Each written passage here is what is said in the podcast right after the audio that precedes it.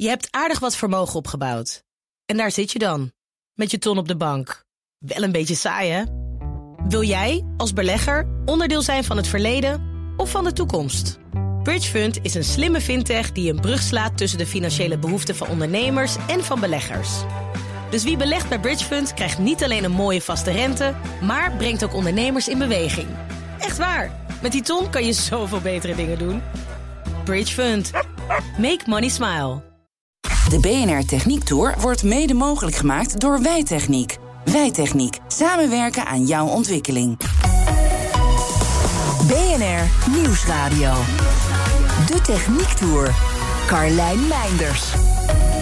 Van de vier grootste baggerbedrijven ter wereld zijn er twee Nederlands. En dat is niet voor niets. Bagger is iets waar we als land al lange tijd goed in zijn. In deze aflevering krijgen we uitleg over hoe het werkt en wat er is veranderd aan de manier waarop het gebeurt. Ook horen we meer over een indrukwekkend onderdeel van het baggerschip. Ik begin mijn tour bij Royal IAC in Kinderdijk. Het is een van de plekken in Nederland waar baggerschepen worden ontworpen en gebouwd. Eigenlijk had ik met Erik van der Blom midden op de werf afgesproken tussen de schepen in aanbouw. Maar vanwege de nieuwe coronamaatregelen staan we op gepaste afstand van elkaar en de rest van het personeel. Hoe komt het nou dat wij Hollanders hier zo goed in zijn? Dat heeft alles te maken met eh, onze historie als Hollanders eh, in het eeuwige gevecht tegen water, zullen we maar zeggen. Uh, waarbij ehm, zeker ook in deze streek nou ja, de, de, Hollanders dijken gingen bouwen. En uiteindelijk ja, is, is vanuit die historie het baggeren ook ontstaan. Ontstaan vanuit noodzaak en verder uitgegroeid tot expertise dus. Maar gebeurt dat baggeren eigenlijk nog veel? Van der Blom vertelt dat in ieder geval één vorm altijd wel nodig is. Het uh, openhouden van, uh, en op diepte houden van vaarwegen en havens. Uh, dat is een proces wat eigenlijk altijd doorgaat. Ja. Want een haven ja, wordt ooit gebouwd. Maar vervolgens verslipt de haven. Doordat er slip wordt aangevoerd vanuit de land of vanuit zee. En dat slip moet weggehaald worden. Anders dan, ja, dan wordt de haven te ondiep. Uh, dus het onderhouden en openhouden van vaarwegen is, uh, is een belangrijke taak van het baggeren. Dat is eigenlijk continu? Dat is een continu werk. En um, wat denk ik de laatste jaren, de laatste decennia nieuw is... is dat we ook grote landaanwinningsprojecten doen. Ja, dus land maken uh, Land maken, precies. Ja. Nou ja, een mooi voorbeeld hier in Nederland is de eerste Maasvlakte en de tweede Maasvlakte. Ja, die zijn gebouwd door de baggeraars. doordat baggerschepen zand halen op zee. En dat uh, ja, terugbrengen en daar uh, land mee creëren. Ja. ja. En als je naar de schepen zelf kijkt, is er dan heel erg veel veranderd? Nou, het is een beetje net als met de auto. Die, heeft ook, uh, die, die, had 100 jaar geleden vier wielen en die heeft nog steeds vier wielen. Ja. Uh, maar een baggerschip ziet er van de buitenkant misschien niet heel anders uit. Maar ja, het is eigenlijk een continue doorontwikkeling van techniek en technologie om het baggerschip uh, slimmer te maken en uh, om het efficiënter te maken en om het schoner te maken. En dan kan iedereen zich wel een groot schip voorstellen. Ja. Wat is er dan anders aan een baggerschip? Ja, een baggerschip is een werkschip. Hè. Dus bij schepen denken we vaak aan containerschepen en vrachtschepen die van, van A naar B varen. een baggerschip is anders. een baggerschip wordt ingezet op een project. En is daar uh, nou ja, maanden tot jaren aan het werk om uiteindelijk een baggerproject uit te voeren. En er zitten natuurlijk wat onderdelen aan die je niet op een normaal schip vindt. Omdat we er even niet naast kunnen gaan staan, pakt Van der Blom er wat papieren voorbeelden bij. Er zijn eigenlijk twee uh, uh, soorten baggerschepen. Ja. varende baggerschepen en stationaire schepen. Oké. Okay. Hier heb ik een plaatje van een varend schip, dat is een sleepopperzuiger.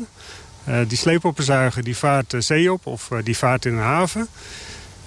Die laat een, een zuigbuis zakken en daarmee gaat hij grond opzuigen of zand opzuigen. dat doet hij via een groot pompsysteem wat in het schip zelf zit. De grond die opgezogen wordt, die wordt in het ruim van het schip opgeslagen. vervolgens kan het schip ergens naartoe varen. Bijvoorbeeld naar een landaanwinningsproject en daar lost hij het materiaal weer. En dan, uh, dan vaart hij weer terug. En dan begint de cyclus eigenlijk weer opnieuw. Ja, en zit de expertise over bijvoorbeeld het type zand... en het niet verstoren van de biodiversiteit en zo... zit dat al, ook al in het ontwerp of ligt dat echt bij experts die daar weer heel veel van af weten? Nou, er zit heel veel in het ontwerp. Hè, want uh, nou, wat bagger zo interessant maakt is uh, dat grond eigenlijk nooit hetzelfde is. Ja. Je hebt zand, je hebt klei, je hebt slip, je, je, hebt hele harde grond. Je hebt zelfs rots die ontgraven kan worden. en elk ja, van die grondsoorten heeft weer zijn eigen karakteristieken. en in het ontwerp van het schip houden we daar dus ook rekening mee... om een of een schip heel uh, geschikt te maken voor één specifieke grondsoort... of juist een multipurpose schip te ontwikkelen... wat heel goed verschillende grondsoorten kan baggeren. Welk onderdeel zorgt er dan voor dat hij die verschillen aan kan? Kun je dan bijvoorbeeld een, een andere stofzuigerkop gebruiken? Precies, ja. ja dat, is, uh, ja? dat noemen wij dan een sleepkop. Oké, okay. ja. net even wat anders. en die sleepkop uh, die is inderdaad, dat is inderdaad een onderdeel... wat heel erg specifiek is, uh, ja, gericht op het type grond wat ontgraven moet worden. En dat is ook bijvoorbeeld de, hoe nauw de ingang is? Of, uh... Ja, hoe nauw de ingang is, hè, hoe uiteindelijk uh, de sleepkop gedimensioneerd is. Maar ook uh, ja, wat voor systemen daarop zitten. er zijn bijvoorbeeld sleepkoppen die tanden hebben, die echt in de grond kunnen graven. Er zijn sleepkoppen die extra uh, jets uh, er op de sleepkop hebben. Dus, dus eigenlijk uh, spuitkoppen met, die het water eigenlijk voor de kop loswoelen. Zodat het beter opgezogen kan worden. Dat zijn typische ontwikkelingen die voor specifieke grondsoorten bedacht zijn. Dit was het varende schip. Ja. Die gaat dus eigenlijk al het materiaal halen. Ja. Daar komt het op neer. En ja. dan is er nog eentje die... En dan hebben we een stationair schip. Ja. Dat noemen we een snijkopzuiger. Die zie, op het plaatje zie ik al dat daar een, een stuk meer apparatuur op staat. Ja, ja dus die, die werkt uh, anders dan, uh, dan de sleepopzuiger. Uh, een snijkopzuiger fixeert zichzelf aan de grond met een lange paal. Dat noemen we een sputpaal. Hij die... kan er wel heen varen, toch? Hij kan er wel, ja. ja. Nou, ook Niet daar altijd? is nog een verschil in. okay. maar het schip wat we hier hebben liggen, dat is een zogenaamde zelfvarende snijkopzuiger. Die, die kan eigenstandig naar projecten varen. Uh, als hij daar aankomt, dan uh, ja, fixeert hij zichzelf eigenlijk aan de grond met die sputpaal uh, die ik net noem. En dan aan de voorkant heeft hij een constructie die naar beneden kan bewegen. Dat, dat noemen we een ladderconstructie. En voorop die constructie zit eigenlijk een hele grote freeskop. Ja. En die freeskop die, die draait in de grond en die maakt de grond los. Die, die snijdt de grond weg. En dat materiaal wordt opgezogen. En uh, door het schip zelf uh, verpompt, uh, bijvoorbeeld via een drijvende leiding... die dan achter het schip ligt, wordt dat naar, nou ja, naar land verpompt... of naar een andere locatie verpompt. Wat mee bepaalt welk schip je waar inzet... is bijvoorbeeld de hoogte van de golven op de locatie. Maar ook moeten er andere schepen langs kunnen. Een schip dat vastzit kan vanzelfsprekend minder flexibel op heftige deining... of druk verkeer reageren dan een schip dat drijft. We gaan het zo nog hebben over innovatie en duurzaamheid. Maar eerst gaat de Techniektour even langs bij een bedrijf hier niet ver vandaan. Technisch directeur Marco Huisman van VET in Papendrecht kan mij alles vertellen over een specifiek onderdeel van het baggerschip dat ook in andere schepen wordt gebruikt.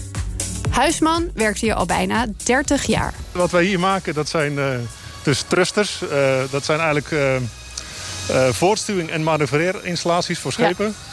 En de schepen die, uh, waar wij dan aan leveren, uh, dat is dan niet de pleziervaart, uh, maar eigenlijk de, ja, noem het maar de, de grotere beroepsvaart. Maar niet de grote mammoetankers en de, en de bulk carriers. dat is allemaal weer wat andere materiaal. De middenklasse? wij hebben een beetje de middenklasse Ja. qua vermogen, zo zou je het kunnen zeggen. Ja. De, in de vermogens van ongeveer, nou, dat is relatief de kleinste wat we kunnen, is rond de 50 kilowatt. Maar we gaan dan tot uh, zeg maar een 2,5 megawatt. Volgens Huisman zijn ze bij VET uitzonderlijk goed in meedenken met de klant.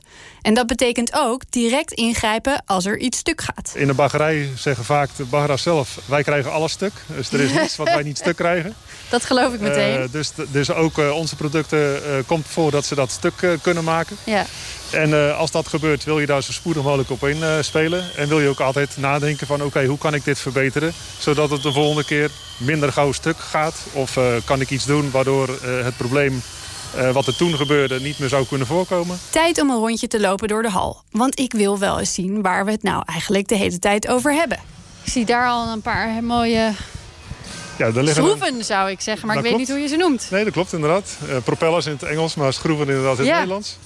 Waar dit me nog het meest aan doet denken is nou ja, een motorbootje. Waarbij je het roer, zeg je dan, Ja, ja. met de motor naar beneden kiept. Ja, En hem dan aanzet met een touwtje. ja. Met Het, een eh, trektouwtje. het- je kan- Alleen dan 100 keer zo groot. Ja, het is, eh, je kan het een beetje vergelijken met een buitenboordmotor als je het zo eh, zou willen vergelijken. En een buitenboordmotor kan je ook eh, nou, door middel van de helmstok, zoals dat dan heet, versturen. Hè, dus verdraaien. En in dit geval is dat allemaal elektrisch of hydraulisch. Eh, dus we kunnen dat in, in dit geval zelfs helemaal 360 graden ronddraaien. Oké, En daarom wordt het in het Nederlands ook wel roerpropeller genoemd. Het is een roer en een propeller in één. ja. Ehm, en je ziet steeds meer moderne schepen die, die eh, goed moeten kunnen manoeuvreren. Eh, die verlangen eigenlijk allemaal tegenwoordig in het Engels dan een thruster, dus de roerpropeller. Ja, waarbij ze heel eh, goed manoeuvreerbaar worden. Wendbaar zijn. Ja. eh, wendbaar Ja. eh, ja, zijn. En dat zie je ook in de baggerij dat dat enorm belangrijk is om het traject goed te kunnen varen. En ze relatief met lage snelheid op positie moeten kunnen blijven. En als je dan met roeren moet werken, met lage snelheden... Ja, dan heb je niet zoveel effectiviteit van het roerblad. En dan moet je eigenlijk veel schroef als water maken. Dus veel toeren maken om, om wat druk op het roer te krijgen. En dat heb je met een roerpropeller dus niet nodig. Want die verstel je op onder de hoek. En die geef je ja, een aantal eh, toeren om terug te halen. Ja. Maar die heeft direct effecti- effectiviteit. Stuur en propeller in één. Ja, ja. Ja. zo is het. Ja. In een hoek van de hal staat zo'n 360 ronddraaiend kunststukje. Het is een demomodel en hij doet het, dus de moeite waard om even van dichtbij te bekijken. In dit geval is het voor een superjacht. Een hele compacte thruster waar een eh, permanent magneetmotor is in, eh, ingebouwd. Een magneetmotor, dat is denk ik al iets waarvan mensen Wat niet helemaal precies? weten wat het, hoe het werkt. Ja. Eh, je, de, zeg maar, de ouderwetse elektromotor wordt een asynchrone elektromotor genoemd. ja? Kortsluik ankermotor ook wel genoemd. En dit is een permanent magneetmotor waar een, een permanente magneet, dus een magneet die altijd magnetisch is. Ja? En niet via stroom magnetisch gemaakt hoeft te worden. En dit soort motoren die, zijn veel compacter dan de asynchroonmotor. En hebben ook een, eh, hoger, eh, een hoger rendement.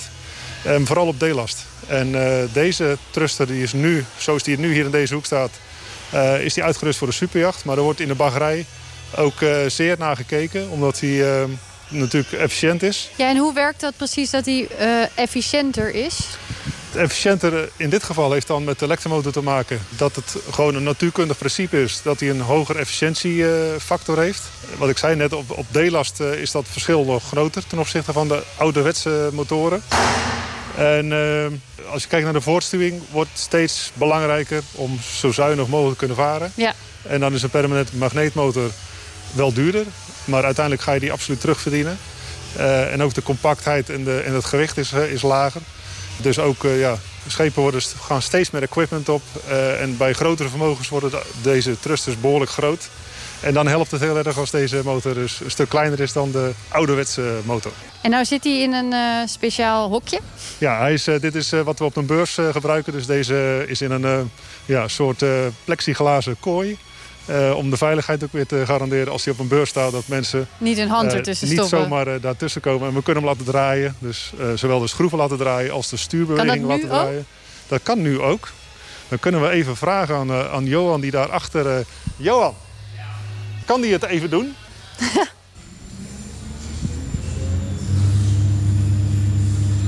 Hoe snel kan dit? Nou, hier in de op proefopstelling is dat, eh, is dat niet zoveel. Dus in dit geval ja, 290 toeren staat hier. Maar eh, aan boord is dat zeg maar, in werkelijkheid voor dit type is dat eh, een 1000 toeren of 1200 toeren. Ligt een Ja, beetje ja, aan welke grootte het is. Wel even wat harder dan we hier kunnen Da- doen. ja, ja, klopt. We hebben dit een keer zonder die om, eh, omkasting gehad. Ja? Eh, nou, die blies eh, gewoon compleet schermen weg en dergelijke. Als je dit eh, dingetje er vanaf zou halen, dan zou ik nu op de grond liggen waarschijnlijk. Ja. Als het voluit draait, dan, dan blaast hij alles weg. Ja. Het is een behoorlijk eh, goede ventilator, zeg maar. Ja. Eh, ja. Eh, nu draait de ene de ene kant op en de andere de andere kant op. Dat klopt. Dat is dus contra-roterend. Ja. En eh, ja, dat is om de draaiing uit het water eh, te halen. Dus we maken actief gebruik van de rotatieverliezen van de, van de eerste schroef. Daar maken we actief gebruik van in de tweede schroef. Hoe werkt dat precies? Dus de, eh, de voorste schroef die, eh, die geeft een bepaalde draaiing aan het water. En die heeft een bepaalde snelheid. Het water heeft een bepaalde snelheid. En de achterste schroef die is daarvoor op ontworpen. Om die draaiing ik maar om te zetten weer in een, in een rechtlijnige beweging. Dus de rotatieverliezen die je altijd hebt bij een enkele schroef. ja, daar maak je hier dus eigenlijk gebruik van. Waardoor het rendement van het geheel ook hoger is. De ene complementeert de andere, ja, zeg maar. Ja. Dus het is niet alleen het wegnemen, maar ook nog een keer iets toevoegen. Bij vet wordt constant gekeken hoe het beter kan. Een belangrijk onderdeel van het innovatieproces is de energietransitie. Hier kijken ze dan vooral hoe ga je iets aandrijven. En soms moet een klant dan even een duurzaam duwtje in de rug krijgen. En dan ga je hem vertellen van... als je nou ziet wat, uh, waar het naartoe gaat in de toekomst... met betrekking tot uh, nou, brandstofcel, methanol, ammoniak... nou, alles, allerlei soorten nou, zeg maar, energiedragers... waar je toch over na moet denken... ga je dan nu een dieselmotor erin zetten... en dan ben je weer 30 jaar hetzelfde aan het doen... Of ga je iets, uh, een tussenvorm, iets met hybride doen. Of ga je toch volledig elektrisch. Zodat je straks die generatorsets makkelijk kan vervangen voor een nieuwe energiebron. Ja. En dan zie je toch wel dat, dat klanten in één keer nadenken van... ja, maar daar heb ik eigenlijk nooit aan gedacht. Misschien moet ik nu wel een keuze maken die vandaag de dag niet de allerbeste keuze zou zijn voor vandaag. Maar wel voor over vijf jaar of over tien jaar. Ik zie in de hal ook nog een aantal schroeven die er heel anders uitzien. Zoals eentje die plat ligt en eigenlijk naar beneden wijst. Deze wordt hier, vertelt Huisman, al sinds eind jaren 60 gemaakt. Hij is bij uitstek geschikt voor baggerschepen. Ook als ze helemaal leeg zijn en weinig diepgang hebben, haal je met deze schroef een hoog rendement. Er valt me ook iets anders op. Het is hier echt extreem netjes. Alles hangt keurig op volgorde. Elke werkcel is exact hetzelfde ingericht. En er zijn hele muren vol bakjes met keurig gesorteerde schroefjes. Het moet een heerlijke plek zijn om te werken. We gaan nog één stapje verder in het proces. Nou, hier zie je ook dat, uh, dat er uh, een aantal pallets uh, staan bij een cel... waar alle onderdelen die men nodig heeft om, die, om dat product te bouwen zijn verzameld. Dus je moet eigenlijk voorstellen dat er een, uh, een, soort bill of material wordt gemaakt vanuit de engineering. Waar zo'n thruster helemaal uit bestaat. Er kunnen wel 600 onderdelen zijn. Dat is nogal een IKEA-pakket. Dat is een soort IKEA-pakket inderdaad. En dan uh, krijg je eigenlijk een aantal kartonnen dozen, in dit geval pallets. Uh, waar al die artikelen in zitten.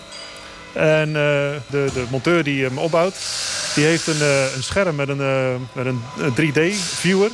Ah, en die kan ja. dus in de modellen die bij engineering zijn gemaakt precies zien wat die, hoe die op moet, opgebouwd moet worden. Hij kan Wauw. doorsneders maken. Hij kan zien welke onderdelen, welke nummers de onderdelen hebben.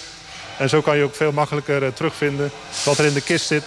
En welk onderdeel hij dat dan precies waar moet. En als er nog iets ligt, dan heb je ergens uh, ja, dan moet ze even op de hoofd krabben van hoe kan dat.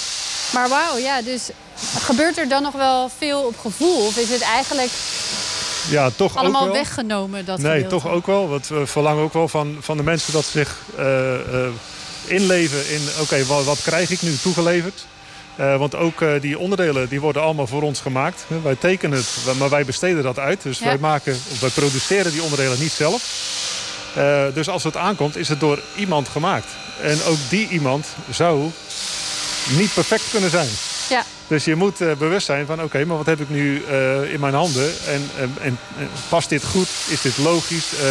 Hoort het er zo goed? uit te zien? Ja. Ja, het kan zijn dat ergens iets is doorheen geslipt. Door een controle. Of, dus ook zij moeten goed beseffen ja, of het product wat zij aan het samenbouwen zijn... of dat ook voldoet aan de standaard die zij zeg maar, door de jaren heen kennen. Ja, en ik denk ook alleen al uh, hoe strak draai ik mijn schroefje aan. Ja, dat, Dat is is- wel allemaal vastgelegd. Zeg maar. Dus, eh, de momenten van, eh, van diverse eh, boutverbindingen zijn allemaal vastgelegd. Dus dat kunnen zij allemaal vinden. Dus dan weet je gewoon drie keer draaien of tien keer draaien. nou, daar, zit, daar hebben ze een gereedschap voor, dat heet een momentsleutel. Oké. Dus daar stel je het moment eh, mee in, hè, kracht maal Ja, arm. dat kennen wij thuis niet hoor. Nee, nee, dat kan ik me voorstellen, maar hier Ja. is dat heel gewoon. Eh, dus eh, ik zit even te kijken. Heb je een momentsleutel eh, liggen in nu in de buurt? Momentsleutel zeker. Zie je het? Hier die, eh, Ah, Kijk, er wordt eh, het moment mee ingesteld. En dan kan je de bout aandraaien. En op het moment dat hij op het moment is, dan klikt hij. En dan weet je van, oké, dus dan gaat hij niet verder draaien. Maar dan gaat hij eigenlijk door een soort eh krachtsopnemer gaat hij heen, zeg maar. wat geweldig dat iemand dit ooit heeft bedacht. Ja, Dankjewel. We zoomen weer even uit. Terug naar Erik van der Blom van Royal IHC. We hadden het net al even over innovatie. Want ook op het gebied van volledige baggerschepen wordt constant gekeken hoe het beter en duurzamer kan. Een belangrijk punt hierbij is de energieopwekking op het schip. Ja, een schip moet uh, zelf, zelfvoorzienend zijn. Dus uh, heeft een brandstof aan boord, motoren. En met die motoren wordt vermogen opgewekt om uiteindelijk het werk uit te kunnen voeren. Ja. Of om te kunnen varen. Uh, ja, en dit zijn enorm uh, energie-intensieve uh, operaties en, uh, en, schepen. Veel uitstoot denk ik ook. Ja, zeker. De, dus uitstoot is, is een heel belangrijk aandachtspunt, ook in onze ontwikkeling. Ja. Omdat we nou, met z'n allen dat natuurlijk veel schoner en groener willen in de toekomst. Merk je dat ook aan de klanten, zeg maar, dat die daarom vragen? Ja, ja, klanten, bij klanten wordt het steeds belangrijker. Uh, en dus enerzijds wordt het gedreven vanuit de ambities uh, van klanten die groener willen opereren. En anderzijds uh, hebben we ook een regelgeving. Bijvoorbeeld de internationale maritieme organisatie. Die regelge wereldwijd de regelgeving oplegt om nou, uitstoot te verminderen. Ja. ja. En wat is nou van, van de onderdelen die je dan duurzamer zou willen maken het lastigst? Nou, ik denk uh, als je kijkt naar die aandrijfsystemen... dan is dat wel echt een uitdaging. En dan met name welke brandstof gaan we dan gebruiken in de ja. toekomst. Deze schepen vandaag de dag uh, opereren op uh, fossiele diesel. Nou, dus dat is een diesel die vervuilend is... en met name ook veel CO2-uitstoot heeft. Nou, die vervuiling is goed af te vangen... met bijvoorbeeld nabehandelingssystemen op de uitlaatgassen. maar dan heb je het CO2-probleem nog niet opgelost. Uh, dus om dat op termijn op te kunnen lossen... Uh, ja, zullen we naar schoon geproduceerde brandstoffen moeten gaan. Uh, bijvoorbeeld groene waterstof of blauwe waterstof. Of groen geproduceerde ammonia of groen geproduceerde methanol. Biodiesel? Biodiesel is inderdaad een optie. die ook vandaag de dag al gebruikt wordt. Dus voor de lange termijn hebben we wel onze vraagtekens... of er voldoende biodiesel geschikt gaat zijn uh, in de toekomst ook. Nu wordt ook vloeibaar aardgas gebruikt als voorlopig alternatief. IHC heeft in 2017 bijvoorbeeld werelds eerste sleephopperzuigers op vloeibaar aardgas opgeleverd. Wat de heilige graal uiteindelijk ook wordt, er is veel van nodig. Want als zo'n schip een uur zijn baggerwerk uitvoert... dan verbruikt het ongeveer evenveel als 1 à 2 huishoudens per jaar. Bij dat opzuigen van dat zand gaat er natuurlijk van alles mee het schip in. Water bijvoorbeeld, wat weer naar buiten gepompt moet worden. En op dat gebied wordt steeds beter gekeken hoe een schip dat kan doen... zonder een enorme wolk kleine deeltjes te veroorzaken. Maar ook grotere stenen en stukken drijfhout gaan wel eens mee naar binnen. En soms moeten ze zelfs oppassen voor hele gevaarlijke objecten. Bommen is wel uitzonderlijk, hè, maar dat zijn, uh, nou, daar wordt dus vooronderzoek gedaan van nou, liggen daar potentieel uh, mogelijk ja, gevaarlijke elementen. Maar los daarvan, uh, sowieso de grond wordt van tevoren vaak goed onderzocht. Er worden samples genomen door ander soort schepen. Om dus een, een, goed beeld te krijgen van wat voor soort grond ligt daar nou. En daar hoort tegenwoordig ook bij dat vooraf uitgebreide studies worden gedaan naar de ecologie en het zo min mogelijk belasten ervan. Dat is ook belangrijk bij de baggerprojecten waarbij het doel kustbescherming is. Er is jaarlijks ongeveer 12 miljoen kubieke meter zand nodig om onze Nederlandse kust te beschermen. Baggeren blijft dus op meerdere manieren belangrijk. Ondanks dat er nog genoeg te bespreken is, zijn we aan het einde gekomen van deze aflevering. Volgende week bekijk ik een klein stukje van het allergrootste schip ter wereld en ga ik langs de indrukwekkende Maaslandkering. Tot dan vind je alle afleveringen van de Techniek Tour online en in de app. De BNR Techniek Tour wordt mede mogelijk gemaakt door Techniek Nederland. De makers van morgen. Je hebt aardig wat vermogen opgebouwd. En daar zit je dan, met je ton op de bank. Wel een beetje saai, hè? Wil jij, als belegger, onderdeel zijn van het verleden of van de toekomst? Bridgefund is een slimme fintech die een brug slaat tussen de financiële behoeften van ondernemers en van beleggers. Dus wie belegt bij Bridgefund krijgt niet alleen een mooie vaste rente, maar brengt ook ondernemers in beweging. Echt waar. Met die ton kan je zoveel betere dingen doen. Bridgefund. Make money smile.